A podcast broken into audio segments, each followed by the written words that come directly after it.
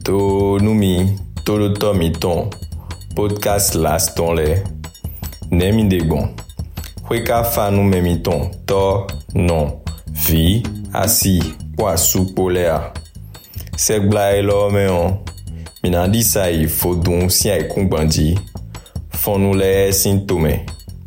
Bo mi kado ko vivi sou po, bo nan ronkle mi egbe, mi do toji, enan chen nou mi.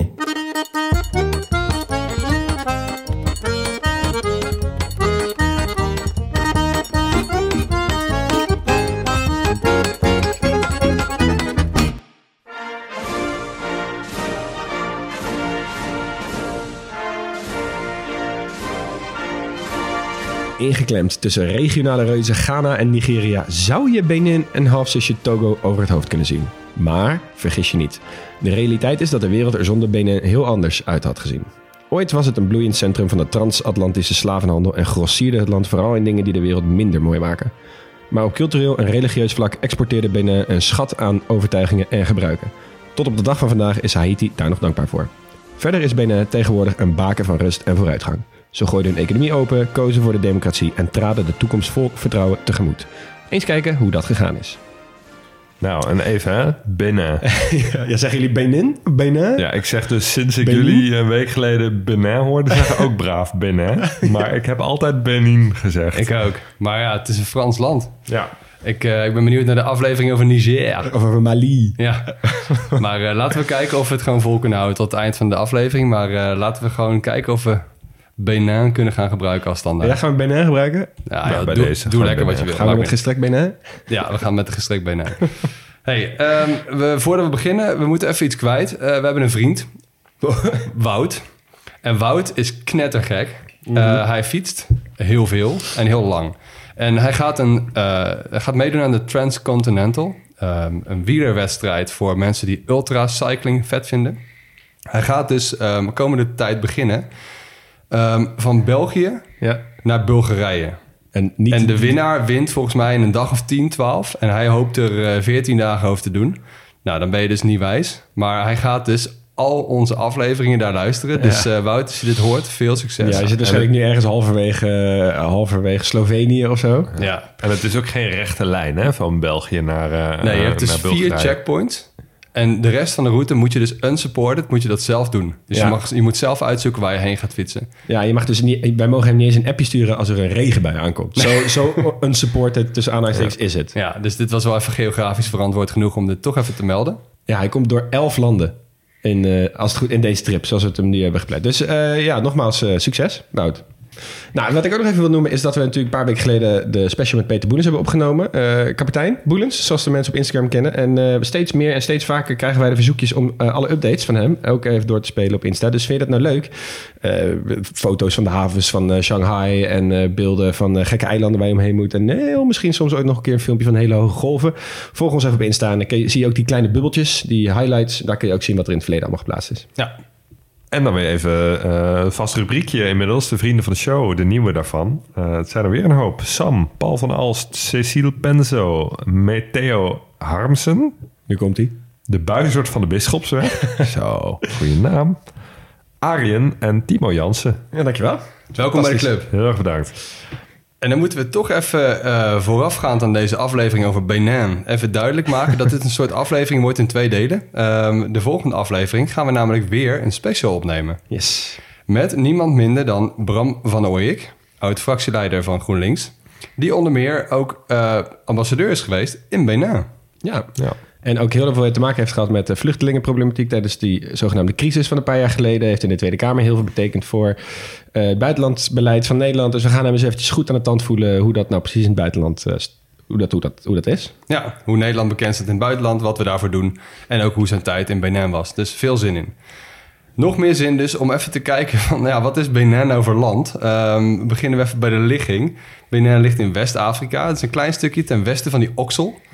Ja. de oksel van Afrika, oksel wat eigenlijk een beetje Cameroen uh, hebben gedoopt tot de oksel. Mm um, en Benin grenst vanaf het westen met de klok mee aan Togo. Eigenlijk een beetje het kleine broertje, of de halfzusje, zoals het in het uh, intro-stukje zeiden. Daarna Burkina Faso, Niger dus, laten we het even, gewoon, laten we even puur zijn. En dan wel weer gewoon Nigeria. Ja. Want ja, waarom natuurlijk niet te moeilijk maken.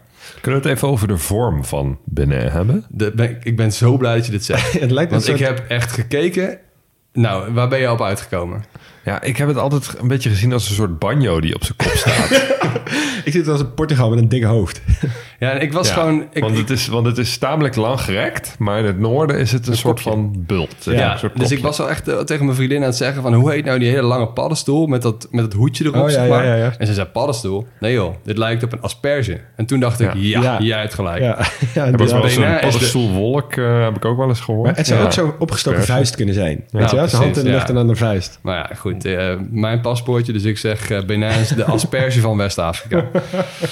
Ehm, hey, en eh, ik heb nog even niet gezegd, een klein stukje in het uiterste zuiden is natuurlijk de kust, de Atlantische Oceaan.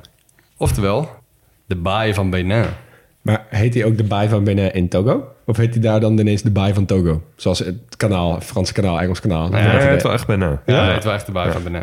Hey, oppervlakte, ehm, Benin is ongeveer twee keer- 2,7 keer zo groot als Nederland. We gaan het heel even exotisch houden, net zo groot als Eritrea.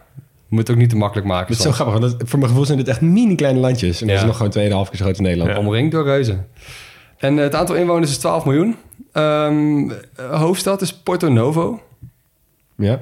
En Verraadt al eh, een beetje de geschiedenis. verraadt een klein beetje de geschiedenis. Niet zo'n hele grote stad, 260.000 mensen in 2013. Lijkt me tijd dat ze weer een keer een eh, volkstelling gaan houden. Het is ook Eh, niet eh, de eh, zetel van de regering, hè? Nee, die zit Nee. in Cotonou. En Cotonou is eigenlijk een beetje de, eh, de economische hoofdstad. Eh, daar wonen wel ruim 2,5 miljoen mensen. Dus dat is wel echt... In Nigeria hebben we dat ook. Hebben Abuja en, eh, en Lagos. Lagos, een beetje ja. hetzelfde verhaal. Ja. Nou, je hebt ook nog een Benin City... waar anderhalf miljoen mensen woont. Maar dat ligt in Nigeria en daar gaan we het ook niet te lang over hebben. Ja, vet creatief. Want eh, in mijn onderzoek kwam ik erachter dat dus een koninkrijk Benin heeft bestaan in Nigeria. Ja. Ja, Ja. toen was, ben je waarschijnlijk een halve avond dan kwijt geweest. toen je erachter kwam, ah, het is niet, niet mijn land. Ja, dus niet. Ja. Nou, wat wel in Benin eh, zo is, de helft van de mensen is christen en een kwart van de mensen is moslim. En de rest is eigenlijk een beetje een vergaarbak van allerlei mysterieuze religies en geloven. Maar de belangrijkste is voodoo. Hey. Cliffhangertje. Hey, taal, eh, officiële eh, taal, de enige officiële taal is Frans. Dus niet de dagelijkse taal. Ze hebben een hele hoop talen, 55, die allemaal een soort van nationale talen zijn. Dat is zo'n begrip wat we in heel veel landen hebben Ja. De belangrijkste daarvan is het Fon in het zuiden. Een gelijknamige bevolkingsgroep ook trouwens. In het centrum wordt wel Yoruba gesproken. Dat is ook een bevolkingsgroep die veel verwantschap houdt met een groep in Nigeria. En Ba is in het noorden. Eh, komen we bij de achternamen. En de achternamen die het meest voorkomen zijn Bio, Oru, Sabi en Amadou. Wow. En dan sluiten we even af met de vlag. Eh, het is dezelfde vlag als Madagaskar qua opbouw. Dus je hebt rechts heb je twee horizontale banen, geel en rood. En links heb je een verticale baan, is groen. Dus het ontwerp is hetzelfde, alleen de kleuren zijn anders. In dit geval, eh, groen staat voor hoop, geel staat voor rijkdom en rood staat voor moed. Origineel.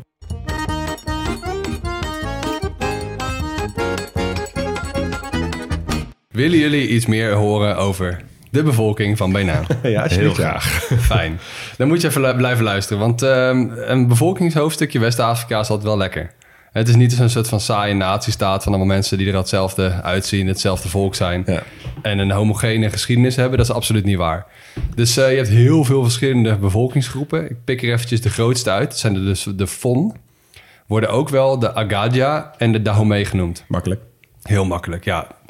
Ehm, die bevolkingsgroepen die zijn natuurlijk wel groter dan alleen Benin, want de grenzen van landen zijn daarna eigenlijk pas getekend. Of, ehm, Ja, door- Je ziet eigenlijk dat heel veel landen heel veel bevolkingsgroepen herbergen en die bevolkingsgroepen zijn ook vaak groter dan de landsgrenzen. Ja. Dus die eh Fon die wonen tegenwoordig ook wel in Nigeria en in Togo. Eigenlijk een beetje rond de kustgebieden. En dat is ook waar het zwaartepunt van de bevolkingsdichtheid in Benin zich concentreert. Ja.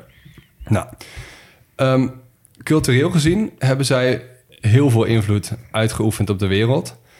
Eigenlijk in de eeuwen na de slavenhandel, waarin de West-Afrikaanse traditionele religies in de rest van de wereld terecht zijn gekomen. En die, ehm, als je nou kijkt naar de aflevering van Haiti, dan praktiseren ze daar heel veel voodoo. Ja. Dus het samensmelting van West-Afrikaanse traditionele religies met het christendom. En die West-Afrikaanse traditionele religies die komen dus vooral uit Benin. Ja. En dat betekent dus dat 1 op de 5 mensen in Benin pure voodoo praktiseert. En ook de grootste religie van, het Christ, van, van Benin, het christendom, is ook verweven met heel veel voodoo, Ja. eh, ceremonies, veel rituelen, veel gebruiken. Ja, Dus daar ga ik even wat, eh, wat dieper op in. ja vet. Want eh Hugo, volgens mij heb jij in Haiti al een kleine geschiedenis gedaan van de voodoo. Ja, Vodou werd het daar genoemd. De voodoo hier ook, ja. Dus je schrijft het inderdaad V-O-D-O-U. Maar je hebt heel veel verschillende schrijfwijzes. Nou, voodoo is een, poly- een polytheïstische religie met ontelbaar veel goden. Dus eh, heel veel goden, niet alleen maar één. En die goden kunnen echt bezit van jou nemen. Maar als je aan iemand eh, die voodoo aanhangt in Benin... als je vraagt wie nou de wereld geschapen heeft... dan zeggen ze Nana Buluku.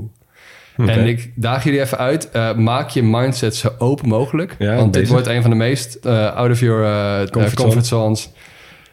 hoofdstukjes die we tot nu toe gehad hebben. Dus ehm, geen, eh, geen, eh, geen oordeel hier, ja?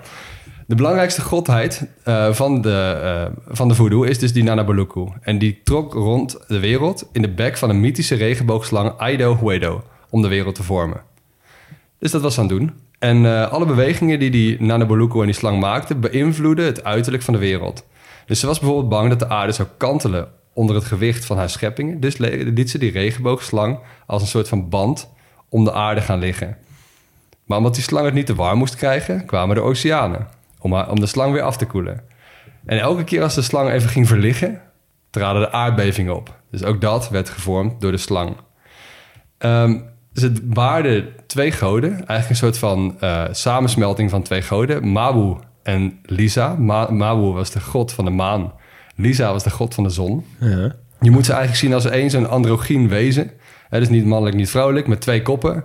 Ehm, en die mochten de rest van de wereld invullen. Zelf ging naar de Beluku met pensioen.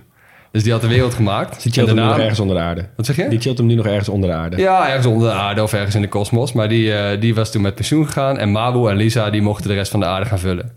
Ehm, met behulp dus van de regenboogslang. Ja, Oké. Dus de kruipende bewegingen van die slang vormden de heuvels en de valleien die we tegenwoordig in de wereld kennen. En Mabu en Lisa creëerden daarna ook de planten, de dieren en de mensen. Ja, dus zo zijn we aan deze aarde gekomen, jongens. Hallo, scheppingsverhalen zijn zo tof. Ja, ze zijn heerlijk. Ja. Wat, wat, zijn, eh, wat is aardrijkskunde dan eigenlijk flauw, hè? En saai. Door te zeggen, nee hoor, 6 miljard jaar geleden, oerknal, vulkanisme, bla bla ja. bla bla. Opwarming, regen, oh ja, oceanen. Het was gewoon die regenboogslang. Nou, nu willen het dus dat die heil, een van de heiligste voodoo-steden is Ouida. Een stad aan de kust in Benin. Dat was het hart van de slavenhandel, maar het is ook het hart van de voodoo. En daar heb je op 10 januari elk jaar La Fête du Voodoo. Dus het feest van de voodoo. En dat wordt op meerdere plekken in het land gevierd, maar Ouida is echt het centrum. Dus je ziet daar heel veel ceremonies, mensen in trance, hè, dat is ook heel belangrijk in de voodoo. Eh, offers worden gebracht en optochten van de Zangbeto's. En die Zangbeto's, dat was echt een van de meest ongrijpbare delen voor mij van de voodoo. Ik heb sowieso filmpjes gezien. Ja. ja ik, Man. kwam, ik kwam dit dus ook tegen in mijn toerisme hoofdstukje. Ja. Dus ik had met Max wel even geappt van... Hey, hey, dat vet de, de voodoo, hè, hoe diep ga je daarop in? Ja, ik ga dat feest wel even bespreken. Nou, Ja. we hebben filmpjes zitten kijken. Echt... wah. Ja, en die Zangbeto's, dat is niet alleen maar voorbehouden aan, ehm, aan, aan het feest, maar die zie je dus overal. Ja. Nou, wie zijn nou die Zangbeto's? Dat zijn de toezichthouders van de nacht. Dus het zijn de nachtburgemeesters eigenlijk, kun je te zien. En ze zwerven eh, niet gewoon over straat als mensen. Nee, nee, het zijn kleurig geverfde lopende hooibergen. Ja. Die gaan over de straten op zoek naar dieven en heksen en andere overtreders. En de mythe gaat dat niemand weet wat er in zo'n zangbeto zit. Ja. Dus je mag hem ook niet openmaken. Er kunnen geesten in zitten, er kunnen krokodillen in zitten, hagedissen, er kunnen slangen in zitten. Er kunnen ook mensen in trance in zitten, Ja. maar je mag hem niet openmaken. En soms dan zijn er toch mensen of toeristen die gaan die dingen openmaken. Want die denken, ik zie benen, want hij is aan het lopen. En dan zijn ze leeg. Ja. Hier moeten we even voor openstaan met z'n allen. Ja, maar je hebt dus ook dat filmpje. eh, als, je die, als je vette voodoo zoekt... of je zoekt op die eh Zangbetos... Ja, dan vind je eigenlijk een filmpje van een volgens mij Amerikaanse toerist... die gewoon vraagt aan een paar van die lui daar... Ja, wat zit er nou wat zit er nou in? En dan op een gegeven moment maken ze dat ding open. En ik weet niet of het is op de manier hoe ze het hebben gefilmd... of dat ze er iets mee doen dat ze het laten bewegen... zonder dat ze ernaast staan. Maar die dingen dansen alle kanten op... en dan, dan draaien ze hem open en dan zit er niks in. ja. ja het is magie. Want het is gewoon een soort omhulsel van stro. En je moet Ja, het zien als, ja, je moet het zien als zeg maar zo'n... Losse, of het is een holle hooiberg. En met een Ja, hoedje erop. precies. Ja. Oh, ja, Eh. Net zo groot als een mens ongeveer, iets groter. En eh, tijdens eh, ceremonies kun je ook heel hard de hele tijd rondjes draaien. Ja. Heel lang. Dus totdat je echt super duizelig zou worden. Er zitten hele rituelen in. Dat, eh, een heel dorp gaat dan om zo'n eh, gaat dan in een cirkel staan en dan om die draaiende Zangbetos. Of stilstaande. En dan is er dus iets wat zeg maar geestelijke eh, hulp nodig heeft. En die leggen ze dan onder de Zangbetos. Nou, dan gaan ze heel wat trommelen. Dus eh, heel veel dansen, heel veel getrommel, eh, ritueel zingen. En dan nou ja, laat de magie zijn werk doen. Dus dat over de Zangbetos. En dan heb je ook nog de Egungun. Eh, dat is meer verbonden aan de Yoruba-groep. Ehm, en dat is dat mensen van de voodoo, daar kunnen doden... die kunnen voor korte tijd op aarde terugkeren... door hun geest bezit te laten nemen van een levend mens. Ja. Dus die mensen die worden dan... die krijgen een bezoekje van een dode geest. Ehm, en die verschijnt eigenlijk in de vorm van een van top tot teen verklede persoon. Dus ook het gezicht is helemaal ingepakt. Je kunt niet zien wie erin zit. En zij staan dus echt bekend als de levende geesten.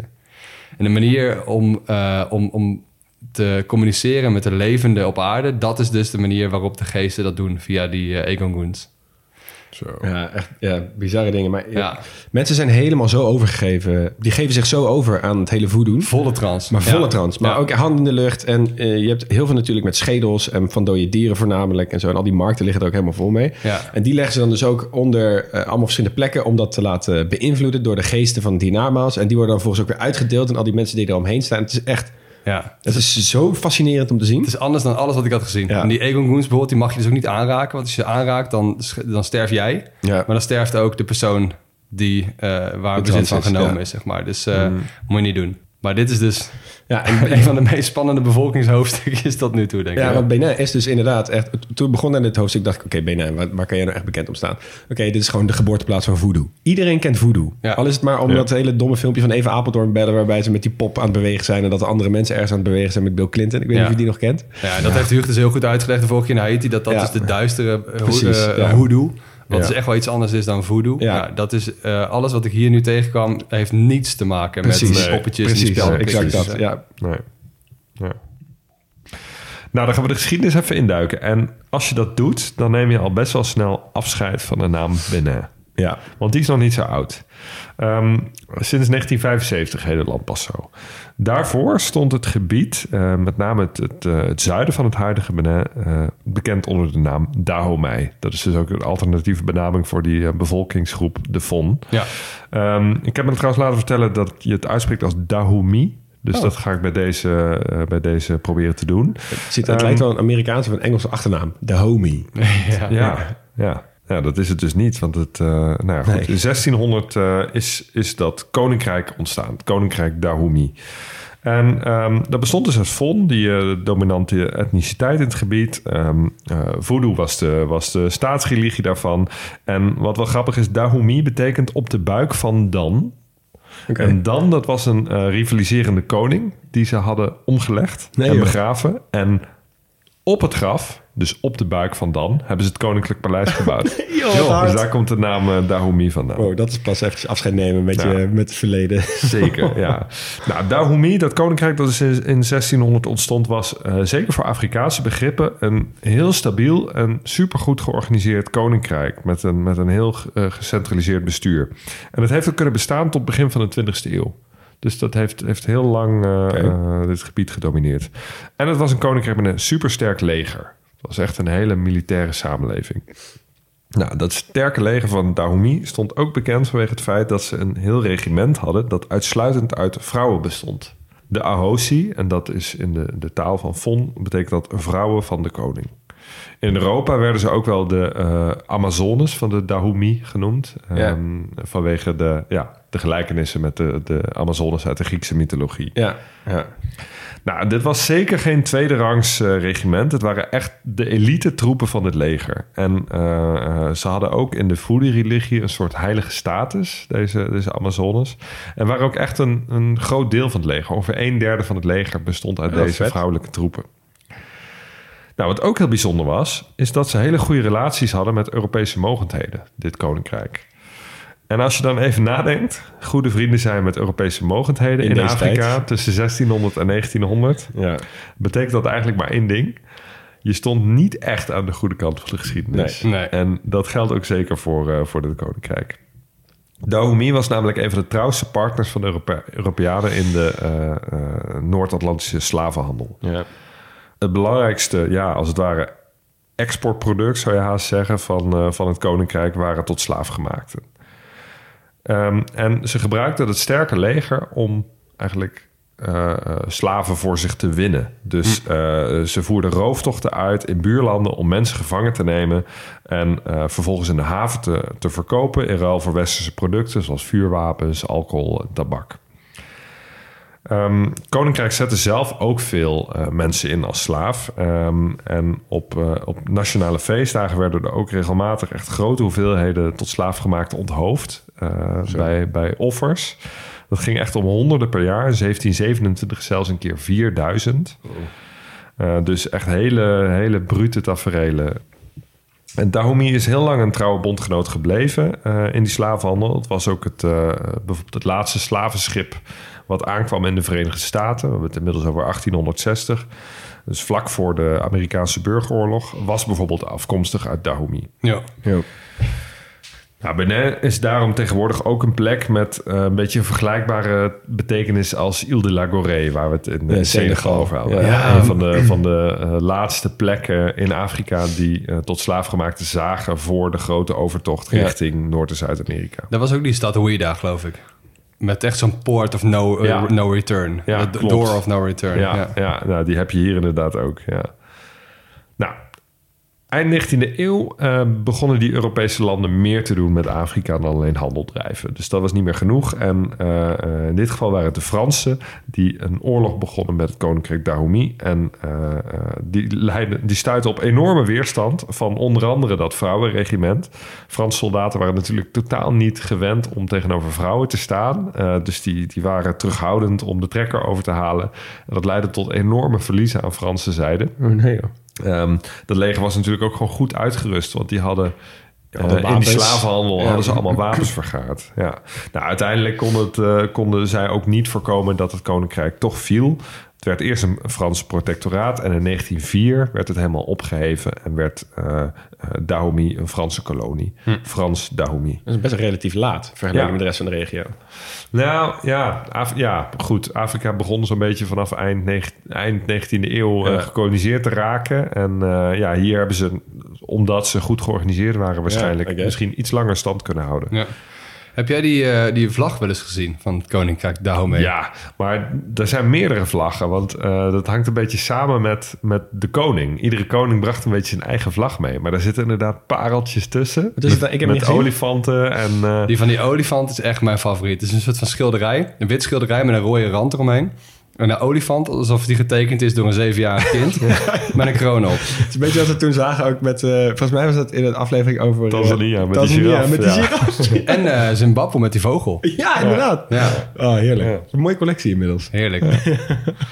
Hey, ehm, het bleef een, eh, een Franse eh, kolonie tot de onafhankelijkheid in 1960. Toen zo'n beetje al die Franse kolonies in West-Afrika onafhankelijk werden. Nou, en toen kwam er een tijd van eh, heel veel politieke chaos, meerdere militaire coups. En de laatste in 1972 was succesvol voor lange termijn. En die bracht Mathieu Kérékou aan de macht. Nou, we hebben er al een aantal van gehad, maar dit was eh, de communistische dictator die dit Afrikaanse land Ja, eh, een paar decennia in zijn greep hield. Grote vrienden met eh, Julius Nyerere waarschijnlijk. Ja. Ja, zou goed kunnen. En eh, hij veranderde bijvoorbeeld ook in 1975 de naam Dahomey in Benin. Nou, dat was dus een bijzondere keus, want eh, Benin was een, een koninkrijk in Nigeria. Er was een stad in, eh, in Nigeria die Benin heet. Maar goed, bij deze. Maar waarom deed hij dat? Is dat bekend? Of is dat gewoon eh, waarschijnlijk ergens verloren gegaan? In Heb ik geprobeerd op te zoeken, maar ik, ik kon daar niet echt iets over vinden. Nou kan ik me wel voorstellen dat de, de naam Dahomey eh, wel behoorlijk bevlekt Ja. is... door de rol die zij hebben gespeeld in de, in de slavenhandel. Ja. Ja. Het is niet heel Ehm, dictatoresk om een nieuw land te maken en dat gewoon niet naar jezelf of naar iets te noemen. Misschien wel een beetje. Ja, misschien naar Nee. een oud koninkrijk waar die trots op was. Ze Ja. hebben ja. het vernoemd naar die, eh, eh, naar die baai, eh, die voor de kust van onder andere dus Benin lag. Ja, Ja, veilige ja. keuze. Ja. Ja. ja. Nou, ehm, een communist in West-Afrika vonden buurlanden en met name ook Frankrijk niet zo tof Eh, eh, dus wat hebben ze gedaan? Ze hebben in 1977 een, een staatsgreep georganiseerd. Operatie Garnaal. nou, met zo'n naam kan het alleen maar mislukken. En dat gebeurde ook. Eh, volkomen, volkomen mislukking. Het is trouwens vet interessant wat Frankrijk allemaal heeft betekend in, in de politiek in Afrika in de, de tweede helft van de 20e eeuw. Dat is ook echt een special waard. Die hebben echt een lange arm gehad. En die hebben geprobeerd om, eh, om, eh, om het bewind in hun ex-kolonies eh, Ja. sterk te beïnvloeden. Daar ook het, het Vreemdelinge Legioen voor ingezet. En heel veel huursoldaten voor ingezet. Maar ook anders wat ze in Algerije en Tunesië hebben gedaan... dan wat ze in zo'n Benin of in, in Cameroen hebben gedaan bijvoorbeeld. Ja, ja. heel interessant. Ja. Nou, intussen ging Benin economisch niet zo heel goed op de communistische koers. De nationalisering van bedrijven trok het land niet uit de armoede. Ze probeerden nog wat geld binnen te harken door hun haven te, beschikbaar te stellen voor de marine van de Sovjet-Unie. Nou, dat leverde iets op. Ze hebben ook eh, nucleair afval opgeslagen van, eh, van de Sovjet-Unie en later ook van Frankrijk, maar ook dat hielp onvoldoende. Jo. Nou, vanaf de jaren 80 eh, hebben, ze, hebben ze dat ingezien en hebben ze het economische beleid iets liberaler gemaakt. Ook in een poging om wat meer buitenlandse investeringen aan te trekken. En eh, dat doet misschien een beetje denken aan de geschiedenis van Madagaskar. Want daar hebben, ze, hebben ze een beetje hetzelfde pad bewandeld. En ehm, net als in Madagaskar werden hier ook begin jaren 90 eh, eh, vrije verkiezingen gehouden. Uiteindelijk natuurlijk naar aanleiding van de omwenteling Ja. in het, en de val van het communisme in de rest van de wereld eigenlijk. En eh Kerikou die verloor die, eh, die vrije verkiezingen, eh, waarmee hij president af was. Nou, en Benin was best wel vroeg in die democratisering in Afrika. Was een van de eerste landen waar dit democratisch proces op gang kwam en waar, waar vrije verkiezingen werden gehouden. En ook een van de eerste dictators eigenlijk die gewoon zelf Eh, zich heeft neergelegd bij, eh, bij Ja, zijn zonder dat hij zich opsloot in het paleis en Ja. eh, zei, eh, kom me maar halen. Precies. Ja. Eh, de, ver- de gelijkenis met Madagaskar die gaat nog even verder. Want ehm, bij de volgende presidentsverkiezingen deed Kerikou weer mee. En won hij weer. Ja, nee, joh. Eh, maar nu, dus, nu werd hij dus democratisch gekozen, Ja. president. Dus dat is wel grappig, die parallel tussen Ja. die twee landen. Ja, grappig, ja. Hoe daar dus een, een ja, iets wat Want- je eigenlijk niet vaak ziet. Dat een dictator eh, die, eh, die dictator af is, later toch nog even weer terugkomt. Ja. Ja, ik vind het een mooie wending. En Ja. ook wel twee, twee, twee landen achter elkaar waar ik het ook niet verwacht had. Nee, dus dat is heel tof. Nee. Nee, meestal zijn die dan gewoon verbannen of vermoord. Of Oh, ja, nog precies. erger. Ja, inderdaad. Ja. Ja. Hey, die, die Kirikou is sowieso al een paar keer een hele andere kant op gegaan in zijn leven. En eh, ook niet alleen eh, qua politiek, maar ook qua religie. Ik vond dat hij op een gegeven moment zichzelf heeft bekeerd tot de islam. Heeft een nieuwe voornaam aangenomen, Ahmed. En later dacht hij, mwah, ik ga toch weer christen worden. En toen heeft hij zichzelf weer Mathieu genoemd. Mooi. Lekker bezig, Kerkoe. Ehm ja, Hugo, zoals jij al zei, eh Benin best wel een, eh, een, stond bekend als een democratisch succesnummer in die regio in ieder geval. Eh scoorde altijd best wel goed op de aanwezigheid van vrijheden, functionerende overheidsinstellingen, persvrijheid. Dus wat dat betreft echt een, een baken van hoop in die regio. Maar je voelt al de maar aankomen. Ehm 2016 was hier in toch een enige ommekeer in. Toen kwam namelijk de ondernemer Patrice Talon, wat op dat moment de rijkste man van het land was. Die heeft heel veel geld opgehaald met eh, de katoenproductie. Eh, en daarna natuurlijk allemaal geïnvesteerd in, eh, in spulletjes ook buitenland en huizen en vastgoed en weet ik het allemaal nog meer. Is in 2016 heeft hij de verkiezingen gewonnen en heeft toen de teugels flink aangetrokken. Heeft de pers, zoals dat zo heet, gemelkorfd, eh, oppositie buitengesloten. Eh, en in 2019, de verkiezingen daarop, zat eigenlijk het Assemblée Nationale van eh Benin vol met eh, mensen die hem steunden. Dus daarna kon hij gewoon alles doorvoeren.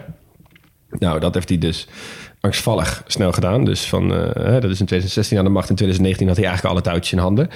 Eh, sterker nog, in eh, twee kandidaten die het in de presidentsverkiezingen van 2021 tegen hem wilden opnemen, eh, die werden opgepakt en tot gevangenisstraffen veroordeeld van 10 en 20 jaar. Want hij had namelijk, wat heeft hij nou gedaan? Een nieuw hof opgericht. Het Hof voor Economische Delicten en Terrorisme. Eh, en daarmee ging hij gewoon iedereen berechten onder het mom. Oh ja, jij bent dus een terrorist of jij bent dus economische schade aan ons land aan het toebrokkenen. Dus krijg je hoge straffen. Oh, help. Op zo'n wereldgolf van, oh ja, er is terrorisme in de wereld. Ik creëer een hof tegen terrorisme en daar berecht ik mensen. Maar ja, dus voornamelijk... politieke tegenstanders mee. Precies, gewoon instrumenten om politieke tegenstanders uit te Ja, schakelen. wat die lui in eh, Guatemala ook deden, eh, onder het mom van communisme. Gewoon heel veel mensen die anders dachten, gewoon meteen de cel in en Ja. meteen vermoorden. Nee, precies. Nou, dat is verschrikkelijke dingen. Maar dat is dus nu aan de hand. Die guy is nog steeds aan de macht. Ja. Eh, er is ook een verhaal, wat best wel echt een pff, bizar verhaal was... van twee journalisten van Follow the Money. Nederlands, eh, Nederlands blad. Olivier van Beemen en Flor Nobime, eh, die waren daarheen om... eh, je hebt dus in het noorden van Benin heb je hele mooie natuurparken. Kom ik zo nog op.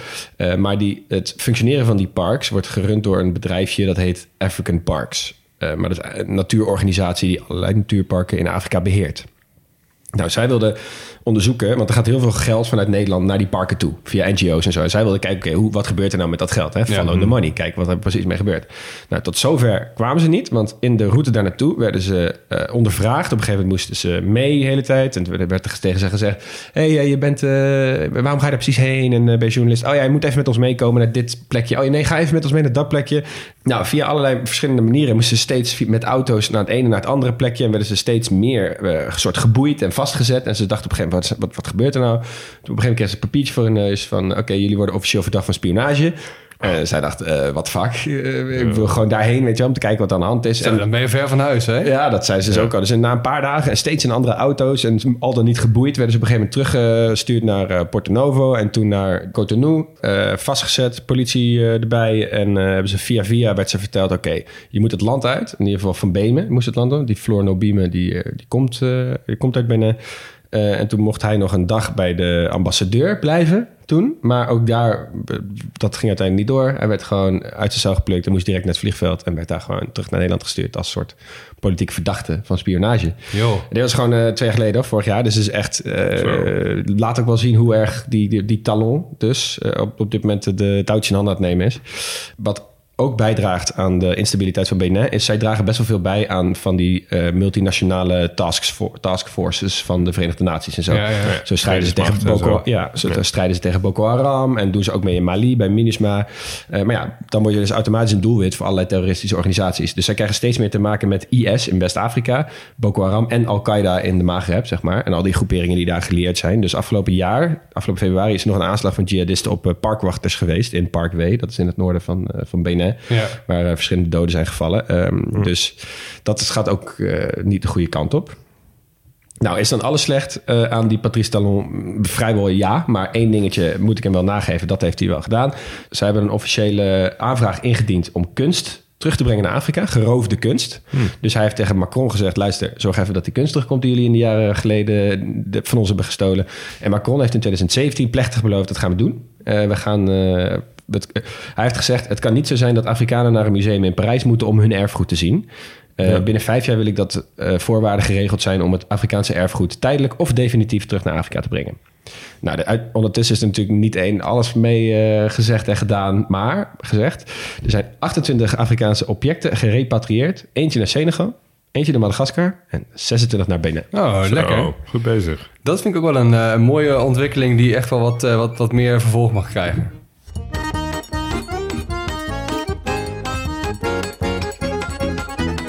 Leon, je had het over Talon. Ja. Wat voor, uh, wat voor land regeert hij nou? Nou, Benin is langgerekt en strekt zich uit van de West-Soedanese savanne in het uiterste noorden tot de Atlantische kust in het zuiden. En dat is dus waar die baai van Benin ligt. Er is nog een tussengolf, wat, wat men noemt, de uh, golf van Guinea. Dus je hebt uh, als een soort matroeska heb je eerst de Atlantische kust of de Atlantische Oceaan. Ja. Dan heb je de golf van Guinea en daarvan heb je dus de baai van Benin. Oh ja. Dus dat is onderdeel van de golf van Guinea. Precies. Ja, ja. allitererend allemaal. Ja, zeker. Ja. dat is zeker, zeker, waar. Maar het zijn toch wel termen die we niet zo heel vaak voor, uh, tegenkomen. Dus nee. ook voor de topografie moeten we dit soort dingen even noemen. Uh, die golf van Guinea die strekt zich overigens uit van Ivoorkust tot Gabon. Tot, uh, tot de, de Oxo ook, die zit daar helemaal in. Dat is eigenlijk de Oxo van Afrika, die heet dus de golf van Guinea. Ik vind dus de Oxo van Afrika nog steeds een leukere term. Blijft ook zo. Ja, maar dat gaat over het land, hè? Ja, dus waar. dit is de zee, de golf ja. van Guinea. Hey, en um, dat land is super lang gerekt dus. Dus uh, heel veel verschillende klimatologische omstandigheden. Um, ook een stukje klimaatverandering is daarbij wel belangrijk. Want um, Benin wordt dus aan twee kanten bedreigd. door twee ontwikkelingen die aan allebei de kanten van het land aan de poort rammelen. Dus je hebt, uh, je hebt de oceaan aan de ene kant. Dus de ja. stijgende zeespiegels. Heel belangrijk voor het land, want het is een vrij vlak land. Mm-hmm. Dus er zijn geen bergen meteen die opdoemen voor de kust. Um, daarom is het ook wel heel kwetsbaar. En daar wonen dus ook de meeste mensen. Ja. Dus zeespiegelstijging is wel echt gevaarlijk voor Benin. Aan de andere kant, in het hele noorden, heb je natuurlijk de uitbreiding van de Sahel die eraan komt. Ja. Ja. En hoewel uh, Benin nog niet echt een Sahelland is, want dat begint eigenlijk ten noorden van de rivier de, de, de Niger of de Niger, um, is de savanne ook wel kwetsbaar. Dus als die Sahel te veel naar het zuiden komt, dan gaat er ook een stuk van Benin zo meteen eh, een stuk droger worden. Ja, laten we hopen Ja. dat die bomengordel die we hebben besproken in Senegal eh, zijn werk gaat doen. Ja, ik heb nog eens gekeken waar die bomengordel ligt. Die Great Green Wall of, eh, of Africa. Die ligt wel een stuk ten noorden van Benin. Dus Ja. eh, dat is wel echt nog een stuk voordat je de Sahel tegenkomt. Ja.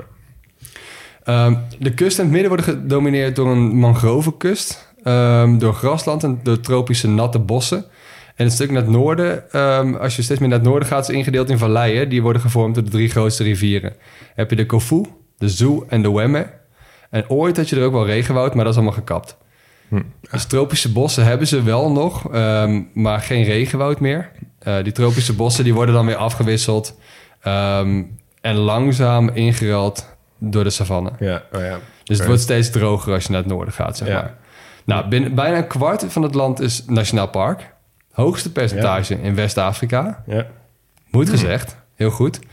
Ehm, Ja. En in het noorden ligt een keten aan nationale parken. Dan heb je dus dat W-park waar je het over had, Leon. Ja. Dat heet het W-park. Dat is alleen maar de letter W. Gewoon puur omdat het de vorm heeft van de letter W. ja. Eh, Arli en Penjari. ja. En samen vormen die WAP. Noemen ze dat in. Frans dan ook W-park? dat zou wel mooi zijn. Ja. W-park. Double croissant park. Ja, precies. Ehm, en dat deden ze ook wel met eh, Burkina Faso en Niger. Hè, dus het is een groot gebied ehm, wat grensoverstijgend is. Nou, daar bevindt zich een hoop grote fauna. Eh 90% van de West-Afrikaanse leeuwen bevindt zich daar. Dus eh, Veel, hè? Ja. 90% in, in zo'n klein land, klein deel van West-Afrika. Ja, dus is het park met eh, dus ook die andere eh, Ja. twee landen erbij. Dus klein ja, stukje, goed, klein stukje. maar dan Het is niet heel groot, maar het zijn West-Afrikaanse ja, maar West-Afrika is natuurlijk super groot, dus dat Ja. is wel gewoon Ja. wel, wel knap. Ja. Ja. Dus en verder vind je de buffels en luipaarden, nijlpaarden, cheetahs, antilopen, eh, olifanten en wat niet meer. Alleen één ding ontbreekt voor de Big Five en dat zijn de neushoorns. Ja. Nou, wat ze wel hebben eh, is heel veel slangen ook. En in het bijzonder de koningspython. Heftige naam, ook wel stoer. En toch wel een van de meest karakteristieke slangen die je kent. Dus als een kind een slang moet tekenen, echt een gevaarlijke slang... dan tekent hij waarschijnlijk deze. Een dikke zwarte slang met allemaal van die gouden ronde vlekken erop. Ovale vlekken. Het is een soort van landkaart op een slang, zo zag ik het meer. Ehm, en in het Engels heet zo'n eh koningspython de Royal Python. Vet. En dat is eigenlijk een betere naam. Want ehm, dat is natuurlijk koninklijke in plaats van konings. En het verschil is een beetje dat andere koningsversies van slangen... dus koningsslang, koningscobra... die eten ook wel andere slangen. Dus die zijn min of meer cannibalistisch. Ja, ja. En die koningspython is dat dus niet. Dus eigenlijk was koninklijke python eigenlijk een veel betere naam Oké, geweest. dus een wat chicere slang. Ja, dat is eigenlijk wat ziekere slangen. Ja, wat eten ze dan wel? Eh, voornamelijk vogels en kleine zoogdieren, zoals ratten. Dus je moet je voorstellen hoe zo'n slang zo'n rat opeet. Ja, ik vind het altijd weer echt minder wonderlijk, koninklijk. wonderlijk om te zien. Het wordt ook wel de ball python genoemd. Dus echt eh, de, de balpython. Omdat hij zich bij gevaar rolt hij zich op met zijn kop in het midden tot een soort bal. En daarmee beschermt hij zichzelf ook. Vet. Ja, Nou, eh, dankjewel Max voor ongeveer al het natuurparkgras voor mijn voeten weg hebben gemaakt. you're welcome. Ik had inderdaad Penjari National Park en W National Park. Twee parken, allemaal deets opgeschreven, maar allemaal weg. nou, ben je nog thuis vanavond? Zeker. Wat ik nog heel even wilde zeggen is dat de cheetah is dus wel een andere cheetah. Je hebt dus verschillende soorten cheetahs. De, en deze cheetah die hier leeft, dat, daar leeft iets van, ook iets van 80% van de cheetahs. Dus eh, dat is de Sahara cheetah. En die is dus lichter van kleur en die leeft ook veel meer in de woestijn. Joh. Dus die cheetahs die wij kennen, dat is van die filmpjes dat die mokerhard achter beesten aanrent, zeg maar. Dat Ja. is niet dezelfde cheetah als deze. Je hebt wel nog steeds die spots, die, die vlekken, zeg maar. Maar hij is veel lichter, hij is bijna gelig. Nou, dat wilde ik toevoegen aan, aan het hoofdstuk over, die, eh, over de parken. Kan ik door met de economie? Of, eh, Nou, die pythons, waar je net had, dat Ja. is ook wel leuk. Want dus, zeg maar, qua natuur en toerisme, dat speelt dus ook nog wel enige... dit is waar mooi cultuur en natuur een beetje overlappen. Want slangen spelen een hele grote rol in spiritualiteit. En in Ouida heb je daar dus de Python-tempel. En volgens een lokale legende zocht de koning van Ouida ooit zijn toevlucht in een bos voor mensen die hem wilden doden. Tijdens een oorlog in de, 18, in de 18e eeuw ergens. En toen hij daar ondergedoken zat, kwamen er overal pythons uit het bos. En die hebben voorkomen dat hij gevangen werd genomen. En eh, om hun rol in zijn bescherming te herdenken, heeft hij dus de opdracht tot soort oprichting van drie monumenten eh, gedaan. En dat is dus nu die Python-tempel. Eh, er zijn daar echt heel veel slangen. Als je slangenangst hebt, dan moet je niet de plaatjes van opzoeken. Ik ga ze wel lekker op de socials zetten.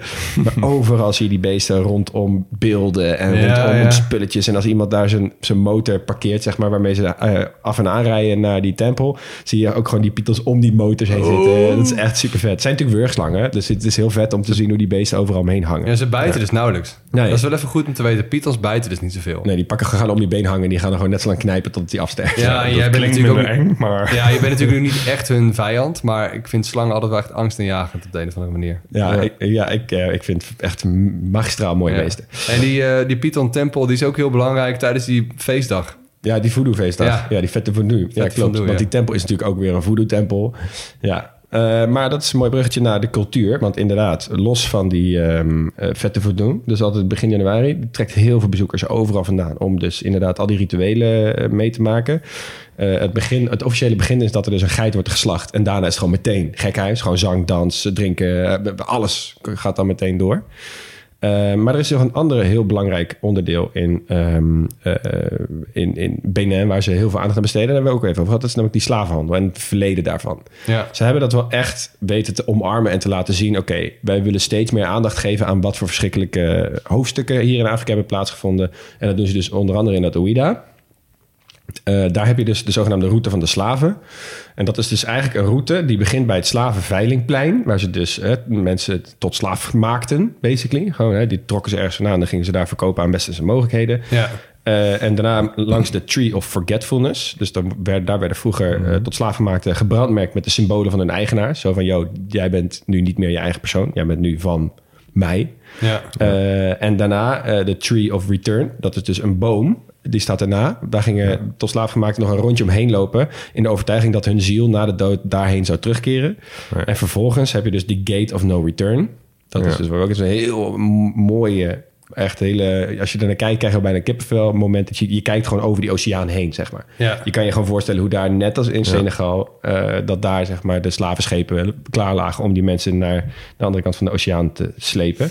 Ja. En dit is dus wel echt zo'n plek waar bewezen is dat er heel veel tot slaafgemaakte mensen allemaal doorheen zijn gegaan. Ja, en het is ook architectonisch gezien, uh, historisch gezien ook, weten we dat dit echt een, een superbelangrijke ja, plek dus was. niet alleen symbolisch, maar ook echt ja. een historische en, waarde. en weet jullie hoeveel tot slaafgemaakte mensen hier doorheen zijn gekomen? Ja, miljoenen. Ja, Oh. 12 miljoen. Goh. 12 miljoen.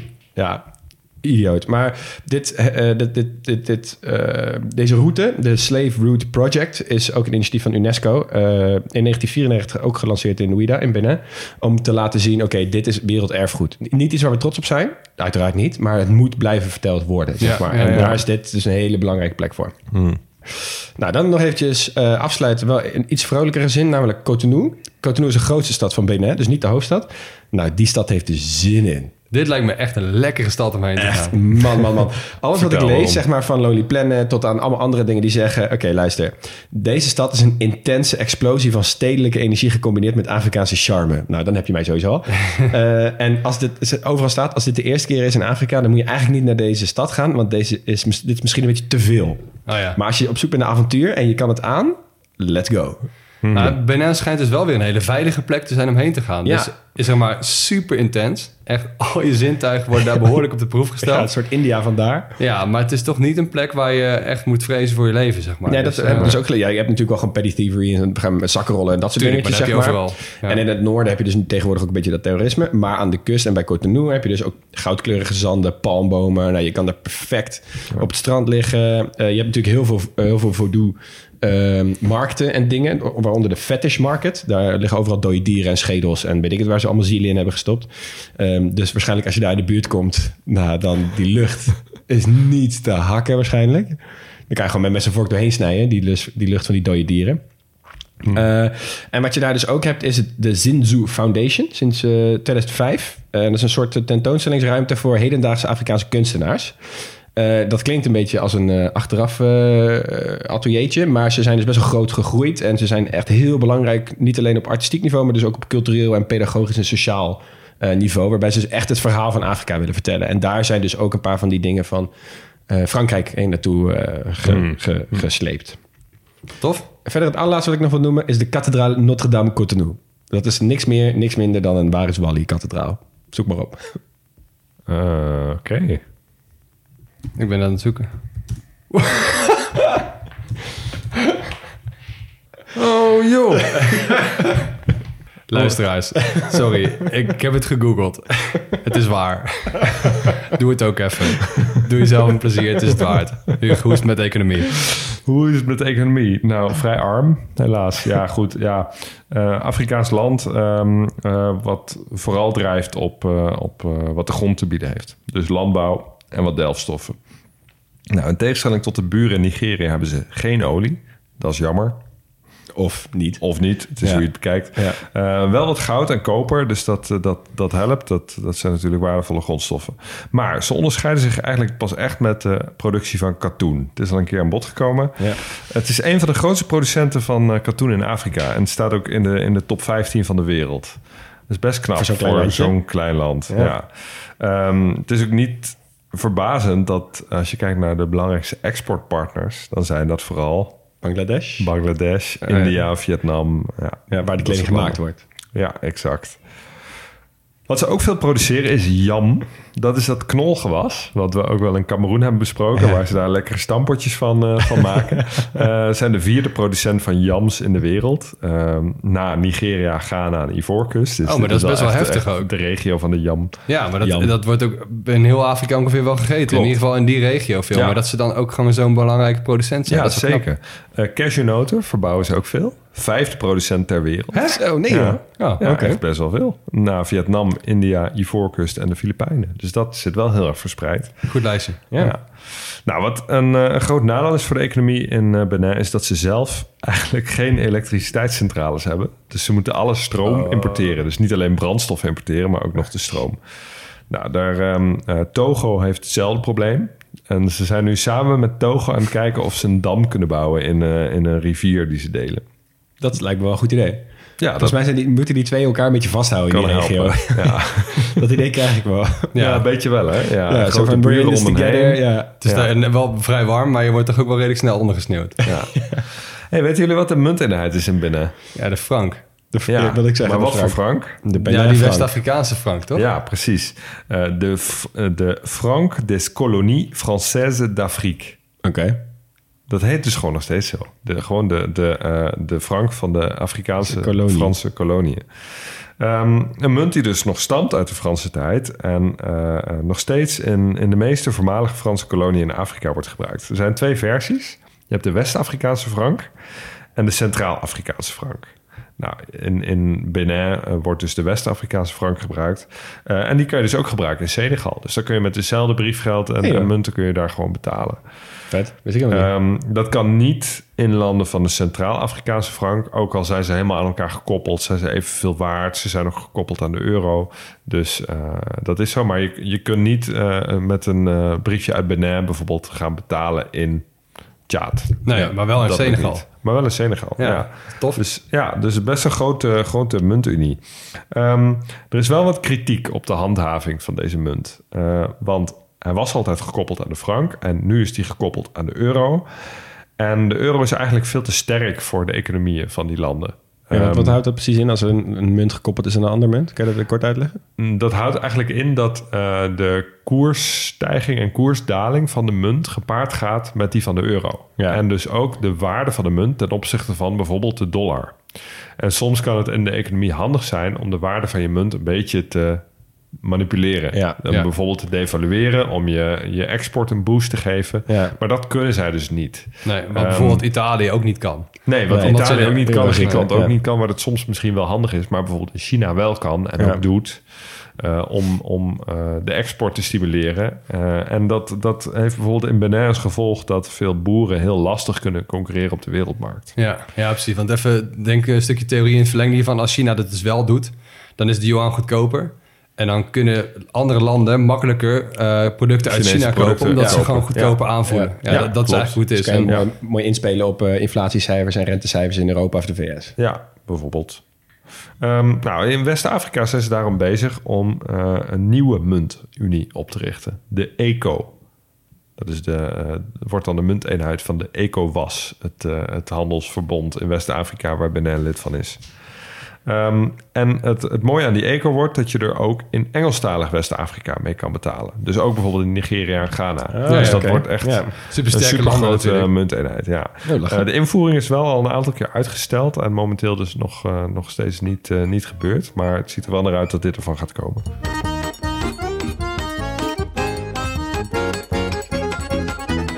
Oké, de kunst in Benin is wel echt lekker.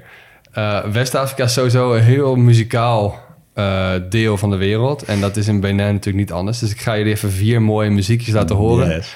Eh, want het swingt. Benin swingt echt. En ook heel veel mooie stijlen en mooie combinaties van stijlen. Dus ik, ik ga jullie even meenemen in een, in een reis naar Benin. Puur audio. dus ga even met me mee. We beginnen even bij de Gangbei Brass Band. Gangbei betekent Sound of Metal in het Fon, die belangrijkste taal. En ze spelen eigenlijk een, een mix van traditionele voodoo muziek met westerse jazz en big band muziek. Oké, dat klinkt nu wel goed. Komt-ie. Ik heb hier zin in.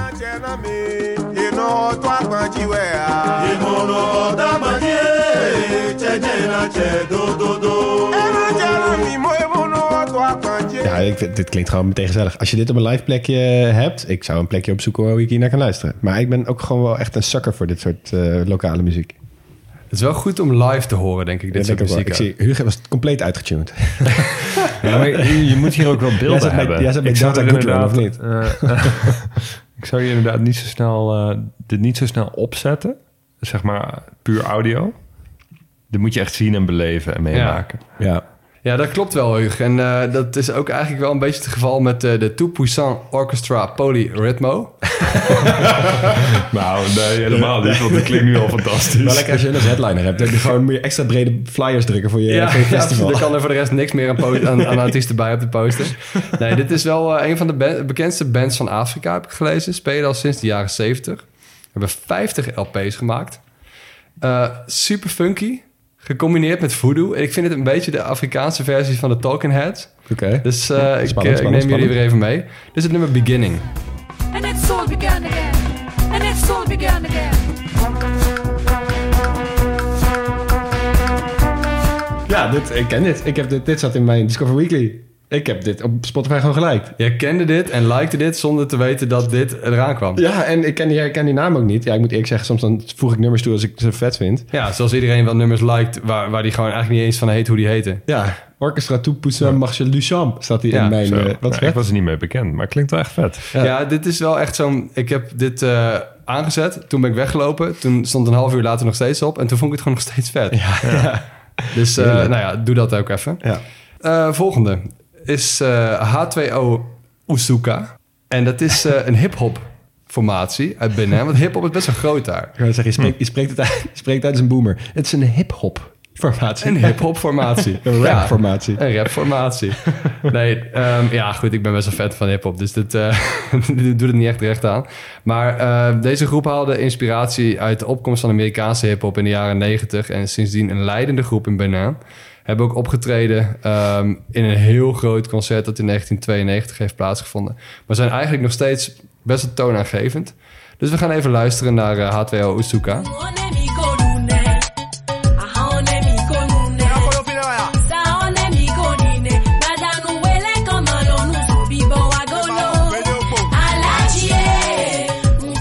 Vind het best wel vrolijk klinken eigenlijk. Normaal ik dat bij hip-hop uit Franstalige landen. Dat klinkt altijd meteen heel gevaarlijk. Ja, maar het wordt ook wel gecombineerd met die voodoo, traditionele jazzy. Ja. Als ik eh, dit zou horen, zou ik het niet in eerste instantie als hip-hop klas- klassificeren. Nee, Nee, nee, precies. nee. Maar in Benin is dit dus de hip-hop. En dat Ja. laat misschien ook wel weer zien hoe feestelijk dat land ook toe gaat. nou, dan sluiten we even af met Caleta. En eh Caleta, eh, zijn echte naam is eh, Leon. Hey. Hey. Leon Ligan Majek. eh, geboren vent, in ja. Benin. Opgegroeid in Nigeria. Maar hij nam de naam Caleta aan. Dat is eigenlijk de naam van een hele bijzondere traditie. Tijdens de slavernij kwamen de grotere groepen eh, tot slaafgemaakte mensen terug uit Benin, die in Brazilië terecht waren gekomen. En die zijn in de 19e eeuw teruggegaan naar Benin en ontwikkelden daar een soort van mi- mix met Braziliaanse carnaval, Amerikaans Halloween en voodoo zangbeto-traditie. Nee joh. En dat is dus een muzikale traditie geworden. Dat is dus wat die Caleta speelt. Hij is een gitarist, een zanger, een percussionist en een bandleider van veel bands die een beetje dingen spelen in de afrobeat, de funk, hoek. Hij speelde ook met Fela Kuti in eh, Nigeria. Dus we gaan even een stukje luisteren naar, eh, naar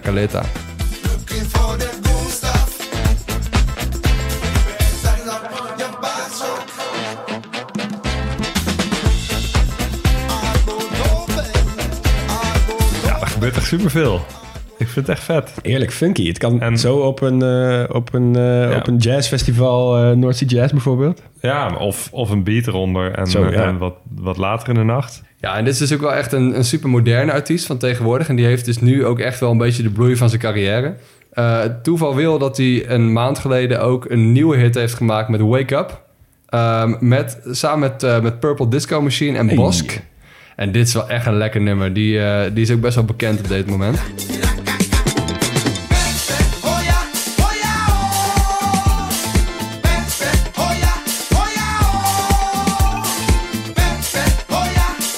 Is fantastisch. Deze gaan gewoon direct Heerlijk. in de, in de grote podcast Last Live. Ja, het is gewoon Benin. Ja, het is gewoon bijna. Hey, hoe is het voedsel in Benin? Eh, nou, eh, West-Afrikaans. Dus veel fufu. Hè, dat kennen we wel. eh, de, de- Ja. ja. eh, een, soort degenachtige pasta, gestampt van ehm, vaak cassave of die yams of bakbananen.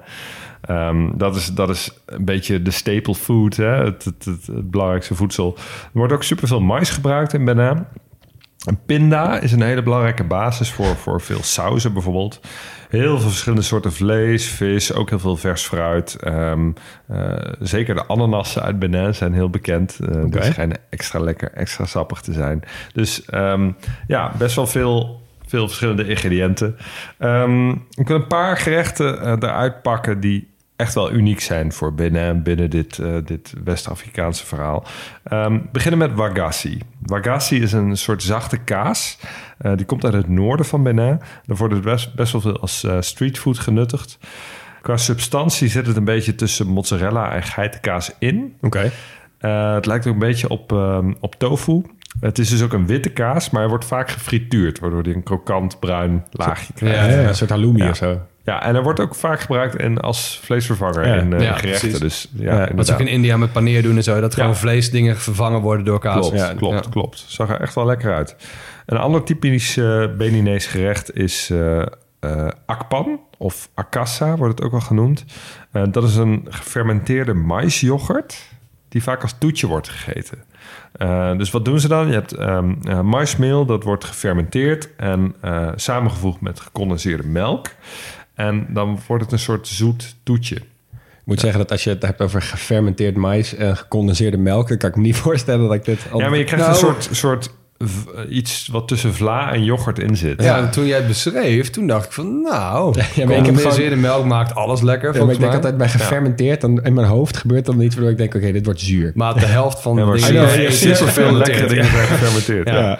Eh, dit wordt ook over de grens in Togo wel gegeten. Ja. Akpan of akassa dus. Nou, wat drinken ze erbij? Eh, daar ga ik even ietsje langer op in. Want de bekendste Beninese drank is een liqueur op basis van palmwijn... die we kennen als sodabi. Het verhaal gaat dat deze drank is ontstaan tijdens de Eerste Wereldoorlog. Wat was er in de Eerste Wereldoorlog? Toen vochten er best wel veel soldaten uit Benin mee aan Franse zijde in de, in de loopgraven in Europa. Eh, die waren heel trouw aan, eh, aan de Fransen en eh, die gingen dus op pad. En een van die soldaten, Bonu Kiti Sodabi, die maakte in Europa kennis met de manier waarop wij drank distilleerden. En na de oorlog, die die gelukkig overleefde, kwam hij terug in Benin. Eh, wat toen dus nog Dahomey heette. Ehm, en is hij samen met zijn broer een drank gaan distilleren op basis van palmwijn. En dat werd Sodabi, naar hun achternaam dus. Nou, en sindsdien is het over het hele land verspreid geraakt. Eh, het wordt lokaal gestookt en er worden lokaal ook allemaal verschillende dingen aan toegevoegd. Dus er is geen vast recept. Allerlei fruiten en kruiden. Maar door die lokale productie kreeg je ook heel veel verschillen in, in kwaliteit. Eh, Er was er geen toezicht op. En eh, de Franse eh, ja. koloniale macht die heeft het al snel verboden. Nou, daar werd de productie natuurlijk nog Ja, van. zeggen, dat- probeer dat vooral te doen met iets wat mensen lekker vinden. Het Ja. verbieden, kijken of het ineens weggaat. Nou, onder Mathieu Kirikou is het weer, weer toegestaan en is het teruggekeerd als drank. Ehm, en eh, tegenwoordig is het echt met recht de nationale drank. Eh, eh, die wordt bij heel veel gelegenheden gedronken. Een beetje tussen iedere gang van iedere maaltijd. Een beetje zoals wodka in Rusland. Maar ook een belangrijke ceremoniële rol bij bruiloften. maar ook in die voodoo-rituelen. Het is bijvoorbeeld gebruikelijk om deelnemers aan die rituelen te overgieten met deze drank. Ehm, eh, en deze drank wordt ook geofferd. En het doel is dan een beetje om, om ervoor te zorgen dat eh, gestorvenen eh, in het hiernamaals een beetje lekker aangeschoten blijven. Ja, op oké, zich is het een ceremonie waarin iedereen in trance is. Het schijnt ook dat als men dan ook nog drinkt, dat mensen daar niet per se voorspelbaarder van worden. Nee, dat kan ik me geloven. Nee, ja. ja. nee, en dat zagen we in. Haiti natuurlijk ook een beetje. Dat het ook wel af en toe gevaarlijk kan zijn om als buitenstaander naar zo'n ceremonie toe te gaan. Ja. Ja, ja, ja, ja, ja. Ja, en dat alle zeg maar, gedachten en herinneringen aan zo'n ceremonie ook wel een beetje wazig worden op een gegeven Ja. moment. Ja. Zal ik hem dan even afsluiten met eh, sport? Nou, dan komt dat. langs een sporthoofdstuk van, eh, van alle podcast dat is afleveringen. waar. Eh, nog nooit heeft een land mij zo teleurgesteld als Benin in sport. Echt? Er is echt niks te vinden. Die gasten kunnen helemaal niks. Echt niet. Ze hebben de Olympische Spelen een paar keer meegedaan. eh, niks gered. eh, allemaal echt vet vaak ook laatste of ene laatste of eh, buiten de tijd gefinished. Ehm African Games zijn er, blijkbaar. African Games. Overigens, die medaillespiegel daarvan is natuurlijk fantastisch. Volgens mij hebben we het er al een keer kort over gehad. Maar eh, met stip op één staat natuurlijk Egypte. Daaronder Nigeria. Dus hè, het ligt niet aan de geografische locatie, want Nigeria Nee. ligt ernaast. Het ligt vooral aan de hoeveelheid inwoners en ook of ze een beetje geld hebben. Ja, dat. ehm, en ook, ik, heb, ik weet niet precies wat ze daar aan het doen zijn, maar ze zijn in ieder geval niet aan het sporten. Eh, Maar ook geen medailles op die games gehaald dus. Nou, ze hebben ergens nog een keertje een, eh, een eh, bronzen en een zilveren medaille gehaald, maar nog nooit een gouden medaille op de African Games. Oké. Wat echt mooi knap dat- is, want die dingen worden echt met de vleet uitgedeeld. Als je, als je vraagt van wat hebben de fysische geografie van Denemarken en sport in Benin met elkaar te maken? Niet zo heel veel zou je zeggen, maar toch, jullie gaan wel lekker in de rant eh, tegen deze Ja. dingen. Je had nog nooit echt iets helemaal afgezeken, hè? Tot, nee, eh, maar, kijk, Maar- en ik snap best, iedereen doet wel zijn best en belang, meedoen is belangrijker dan winnen. Ja, maar als je al die landen met elkaar vergelijkt en je kijkt dan nu binnen, ik zoek echt oprecht, ik doe mijn best, hè. Alles zoek YouTube. Weet je hoeveel er op YouTube staat? En er zijn waarschijnlijk sportief best wel eh, succesvolle landen geweest, waar je minder tijd aan kwijt bent geweest als aan, aan, aan Benin. ja, Ik had het in Madagaskar ook een beetje, maar toen ben ik gewoon over een bord- bordspel gaan hebben. Ja, ja, maar kijk, als Ja, dat er was... wel edel een soort schaken erbij Ja, of ik heb het gemist, of ik heb het er niet gezien. I don't know, maar ik heb in ieder geval niks gezien. Het enige leuke van het hele verhaal vind ik... een aantal dingen. Eén, hun bijnaam is eh, de eekhoorns, de squirrels. Oh, lekker. Le, le écureuil eh, het Franse woord. Dat is een zo'n nationale ploeg van ongeveer alles wordt zo genoemd. Ehm, maar ja, eh, ze hebben zich nog nooit gekwalificeerd voor een WK. En eh, ze hebben één keer een African Cup of Nations in 2004 meegedaan. Meteen eh, roemloos ten onder. Hun hoogste rangsching op de wereldranglijst van de voetbal is 79ste. Nou, daar zijn ze ver blij mee. Ehm, wat wel vet is, is ze hebben Isabelle Yokubu. Eh, zij is geboren in eh, Benin, maar ze speelt in het Franse basketbalteam, vrouwelijk Franse basketbalteam. En ze heeft daarmee een zilveren medaille gewonnen in 2012 voor de Olympische Spelen. En nu komt hij. En ze heeft ook het Beninse record voor kogelstoten. Oh, echt? ja, dus dat zegt dus al genoeg over hoe sportief die natie is. Zeg maar gewoon de basketballer Oh, ja, die toevallig uit Ah. Benin komt, die heeft ook degene met Dat vind ik zo mooi, hè, dat in die, in die landen waar sport vrij klein is, dat je van die, van Ja, die multisporters krijgt. Ik weet zeker, als hij gaat zwemmen, heeft ze ook het record van de 100 meters Net als die, vrijslag. eh, waar was dat? Nou, we hebben wel eens vaker meegemaakt dat, dat eh, het nationale voetbalteam was ook degene zijn die het land vertegenwoordigen op de, op de sprintonderdelen op de Olympische Spelen. Ja, Ja, ja, ja, precies, dat soort dingen. Nou, dan laat ik hem dan afsluiten met toch iets wel leuks. Eh, ik heb eh, via een, eh, een, een, een krant uit de Centrale Afrikaanse Republiek... die in het Frans stond, heb ik vertaald via Google Translate. Dankjewel Google Translate. En daar kwam uit dat zij dus wel heel goed waren... op het Afrikaans kampioenschap rolschaatsen. Dus gewoon buiten rolschaatsen, inline skate, soort short track, maar dan op inlines. En de, de Nederlandse vertaling ging als volgt. De Beninezen bevestigen nogmaals hun dominantie in deze discipline... die de kwaliteiten van balans, snelheid, flexibiliteit en zeker reflexen ontwikkelt. Aan het einde van dit vierde Afrikaanse kampioenschap... en de tweede editie van het Afrikaanse kampioenschap in inline freestyle... te- telt Benin 46 medailles, waarvan 22 in goud. Wat? Ja, de- Inline freestyle Schaatsen. rolschaatsen. Dus- Daar zijn ze vet goed in. ja, nou goed. Doe ermee wat je wil. Succes ermee, Bennen. We zien jullie op de Olympische Spelen als het een keertje een, een onderdeel wordt. Nou, ik stem voor. Je hebt toch wel echt met een, eh, met een grote glimlach een zeer matig hoofdstukje be- bereikt. Dat, daar ben ik heel blij mee. De boog kan niet altijd gespannen zijn. Nee, dat is zeker waar, ja. ja.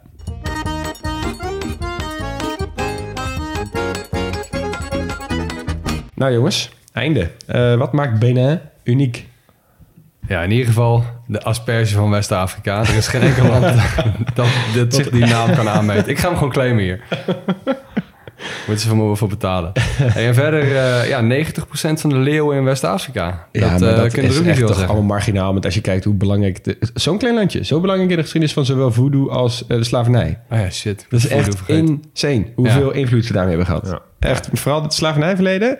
Met die, eh, die laatste schepen en de langs nog levende eh, slaven, zeg maar, in, eh, tot slaafgemaakte in, eh, in Amerika. Ja, echt insane. Ja, ja en wat, wat ook wel uniek was, was dat vrouwenleger. Ja, Die Amazones. Dahomey. Ja. ja. Ik heb laatst een eh, aflevering van Alle Geschiedenis ooit geluisterd over vrouwen in, in het leger in de 20e eeuw. Hè, in het Russische leger bijvoorbeeld eh, tijdens de Eerste Wereldoorlog. Nou, dat zijn echt verhalen van eenlingen. Ja. Ehm, maar dit is gewoon een, een enorm regiment van elitesoldaten. En gevreesd in die ook. tijd. En Ja. gevreesd. En Frans in de pan gehakt. Ja. Dat is wel echt uniek. En eh, wat, eh, wat zouden jullie doen als je er één dag bent? Ik zou er graag heen willen, maar dan dat ik onzichtbaar ben. Oh. Want het lijkt me zo vet om naar zo'n voodoo-ceremonie te gaan. En waar alle, alle zintuigen zo hard zijn best moeten doen. Gewoon, er, er is zo hard getrommel en gezang en, en dans. Ja. En die zangbeto's die alle kanten op gaan. Ja. Maar ik weet gewoon niet of ik me wel op mijn gemak zou voelen als ik daar zou staan. Hoe Want je dat? het is super intens. Ja, ja, ja. dat snap ik ehm, wel een beetje. Het is, eh, het is onberekenbaar, weet je. Mensen gaan helemaal gek. ja. En ik weet gewoon niet of ik en daar op mijn gemak zou voelen... en of ik, me, of, of ik het ook niet helemaal zou willen verstoren of zo. Nee, dat, heb ik dus ook. Als je bij rituelen bij andere eh, geloven, of in ieder geval hè, hoe, zij, hoe zij dit ook zien. Ja, eh, als je daarbij bent, dan weet ik nooit zo goed. Oké, wat zijn nou de mores? Ja. Kan je nou praten met iemand of niet? Mag je ergens heen lopen of niet? Ik vind dat in een kerk al lastig. Laat staan bij zo'n voodoo-ritueel. ja, je kunt je niet verschuilen. Maar Nee. ik zou het toch wel heel graag willen zien. Ja, ik ook. Ik zou ook echt naar Ouida gaan. Ik ook zeker. Van, Ja. de, van de Python-tempels tot die, eh, tot die route, Die route van de... Esclaves, die, Ja. die wil ik zeker zien. Ja. En, en daar gewoon stil van worden, van het besef wat daar allemaal zich voltrokken Ja, heeft. ja, exact. Ja. Oké, daar sluiten we mee af. Heel erg bedankt voor het luisteren. Wij zijn Leon Boelens, Max Gerts en Hugo Roortman. En Jonas van Impe doet de eindmontage voor ons. Ehm, ja, je kunt eh, ons natuurlijk volgen op de socials. Op Twitter of Instagram op @grootpodcastlas. En het is ook heel leuk voor ons als je vriend van de show wordt. Daarmee kun je ons steunen en kun je een Lonely Planet naar keuze winnen. Want die gaan we binnenkort even verloten onder, eh, onder alle vrienden van de show. Volgende week, zoals beloofd, hebben we een special met Bram van Ooyek. Odabo.